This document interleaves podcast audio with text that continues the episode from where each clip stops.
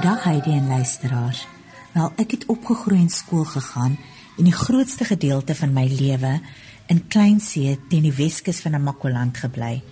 Direk na my studies het ek vir 'n paar jaar op Steenkop skool gehou en toe in my tuisdorp Kleinsee waar ek die prinsipaal by die vroeë kleinkind ontwikkeling afdeling was. Op die ouderdom van 29 het ek na Pretoria verhuis vir so 3 jaar waar ek die prinsipaal by Unisa se ECE was. Maar ek het die see en my mense te veel verlang en ek het besluit die Kaap is 'n beter opsie vir my.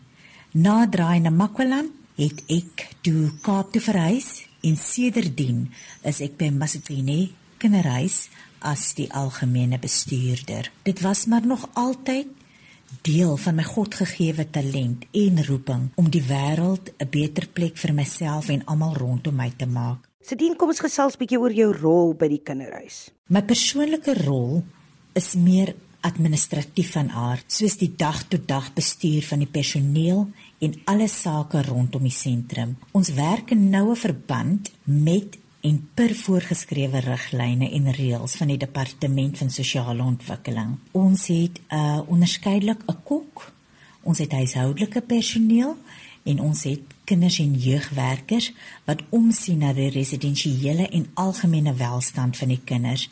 Ek is Hilda Grinty, ek het nou 23 jaar in my stemme kinderhuis. En my pa was eerste uh, komitee leier leier van die van Mastini. En toe gaan my pa uit omdat hy oud is en vandag is ek 'n koek in Mastini. Ek kook vir die kinders en ek week gelukkig hier wat ek weet saam met die kinders. Maar as lekker om te wees. Hi, I'm Norma Lady. I've been working here from 2012, nine years already now. In the house, everywhere. Everywhere, in the kitchen, in the laundry, in the children. I'm a child and youth care worker. And I would like to continue with my studies to be a social worker maybe next year, but I'm looking for that now. I'm Ivy. I've been here for 12 years. Here at Mastina, we're looking for the children from zero to six years old. Some of the children they brought to us by social workers. So when their children come here, we check them thoroughly. The first thing we do, we take the child to the bath. The second thing we do, we dress the child because some of them they were HIV positive. So we also check the clinic card and also see the follow-ups from the hospitals.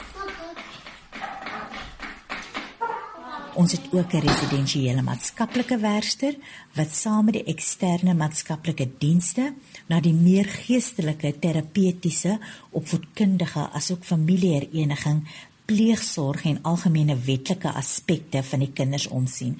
Dan het ons 'n drywer en hy is ook ons ambagsman. Hy ry die kinders en die personeel na hulle hospitaalafsprake, um, hy tel ook donasies op. Ja. Hoe kry jy dit reg om nie te emosioneel betrokke te raak nie? Dis mos maar 'n moeilike ding. Heidi, dit is 'n baie fyn lyn. Ons moet in ag neem dat hierdie hulle huis is en soos met enige normale familie is liefde, geduld en respek maar ook die hoofbestanddeel.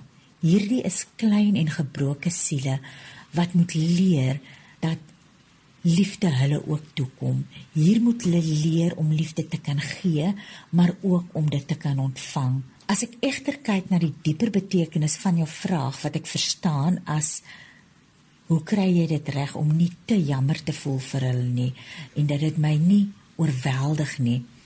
Wel deur gegrond te bly.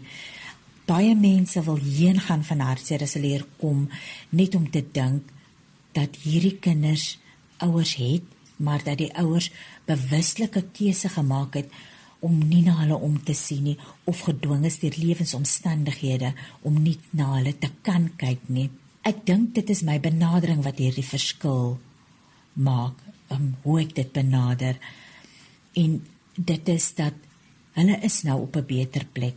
En ek het volle vertroue in my personeel en in dit wat ons doen om te weet dat die kinders hier veilig is en dat hierdie moontlik die omkeerpunt van hulle hele bestaan is. Dat hulle nou is waar hulle moet wees um, om vir hulle 'n beter toekoms te verseker ons bloedouers of ons ouers wat aan ons geboorte gegee het, is nie noodwendig ons sielsfamilie nie en hulle is dalk net jou toegang tot die aarde om saam met jou aardse familie hier te wees. Um God kies ons families lank voordat ons aarde toe kom en hulle is nie noodwendig bloedverwant nie.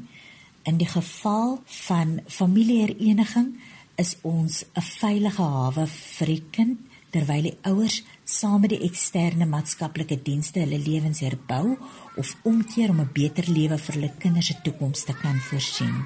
Wat is uitdagend vir jou en wat is hy drome? Wat is jou drome vir die plek? Ons drome om 'n babakamer vir die pasgebore babas aan te bou is in 2019 vervul, asook 'n jarelange droom van my om 'n aparte terapiekamer te aan te bou. Ons sal graag wel die terapiekamer wil toerus met 'n slim TV vir aktiwiteite en 'n ligversorger vir die warmer dae. Die grootste droom egter hou meer verband met die kinder- en jeugwerkers.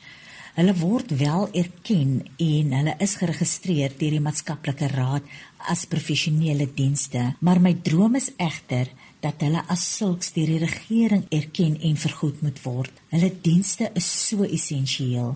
Hulle gee tyd op van hulle eie families om na die van ander om te sien. Ek weet dit is 'n werk en ek weet dit is 'n keuse, maar vir my is dit meer as dit. Dis 'n liefdestaak wat baie van hulle verg en hulle verdien baie meer erkenning. New Kids wat makeovers by kinderhuise en kindersorgsentrums in die Weskaap doen se lese lei. Daar is nie iets soos 'n ongewenste kind nie, net 'n ongevinde familie. As ek oor die jare heen dink aan die kinders en gesinne wat absoluut aanklank gevind het by mekaar. Dis miskien 'n kind wat spesiale versorging nodig het waarvoor geen ander gesin vrywilliglik verantwoording sou neem nie. Soos 'n serebraal gestremde seentjie wat totaal niks vir homself kon doen nie. Sy gesin het so verlief op hom geraak. Um, dis 'n pleeggesin. Het so verlief op hom geraak. En hulle het 'n noue verband met die maatskaplike dienste gewerk om hom na 'n sorgsentrum nader aan hulle te skuif waar hulle hom meer gereeld kon sien. Hulle het van sy versorging kostes op hulle geneem en hulle oorlaai hom met liefde. In 'n ander geval was daar 'n enkel mamma wat weer haar sielsgenote in twee woelige ADHD seentjies gevind het wat in 'n spesiale skool is. Haar wêreld draai om hulle en niks is te veel vir haar nie. Sy het in hulle drome geglo soos haar eie. So my wens is dat die liewe Heer op elke liewe kind se pad hulle aardse familie vroeër eerder as later stuur en dat hulle sal seker maak dat hy of sy hulle plekkie in die son sal vind en hulle plekkie in die wêreld met trots vol staan. Om kinders terug om te kuier, ja, definitief baie.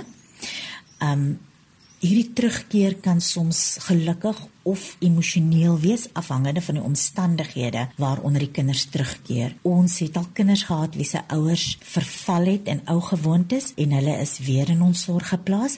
Dan is daar kinders wat suksesvol herenig is met ouers of uitgebreide materne of paterne gesinne wat graag inloer. Sommige kinders is by die laerskool oorkant ons en kom loer graag in by die personeel wat hulle dan bederf met 'n lekkertjie of 'n vruggie. Daar is ook al kinders wat in later jare weggedryf het van hulle pleegfamilie, twee spesifiek wat al oor die wettige pleegouderdom van 18 jaar was, wat van ons personeel van Masikine dan onder hulle eie vlerk geneem het as hulle eie van die kinders kom terug as hulle 18 is vir inligting wat in hulle leers is om hulle biologiese families op te spoor en baie kom met hulle wettige aangenome ouers. Dit kan vir die aangenome ouers net so traumaties wees as die kind antwoorde soek wat hulle nie kan gee nie. Tog aan die einde in baie gevalle waarvan ek ervaring het, het dit hulle nader aan mekaar gebring. Daar is iets baie spesiaal daaraan as 'n plan wat God voorgeboorte bepaal het tot vervulling kom. As ouers en 'n kind se pad so op die aarde deur leiding van God met mekaar kruis as hulle deur lewenslesse uiteindelik hulle weg na mekaar vind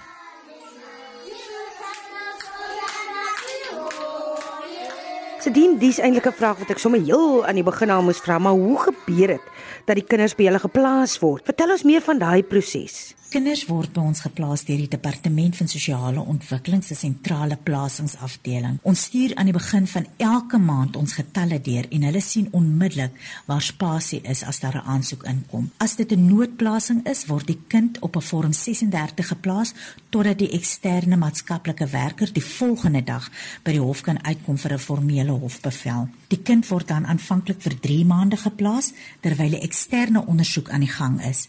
As die ondersoek nie die gewenste resultate lewer nie, word die kind dan vir 'n verdere 2 jaar geplaas. Die kind kan wel enige tyd binne die 2 jaar met die ouers of familie herenig word sou die omstandighede verbeter of in pleegsorg geplaas word sou dit blyk dat omstandighede onveranderd is. Ek moet wel hier 'n landsie breek vir die Weskaapse kinder- en jeugversorgingsveld. Die Weskaap spandeer baie tyd en aandag aan die opbou en behoud van die veld. Die maatskaplike kinder- en jeugsorgveld het baie ontwikkel en is ligjare verwyder van destyds toe ek in die 90's my prakties by verskeie jeugsorgsentrums gedoen het. Daar word werklik gefokus op die holistiese ontwikkeling van die kind en dit sluit familiehereniging en familieversorging op elke vlak in.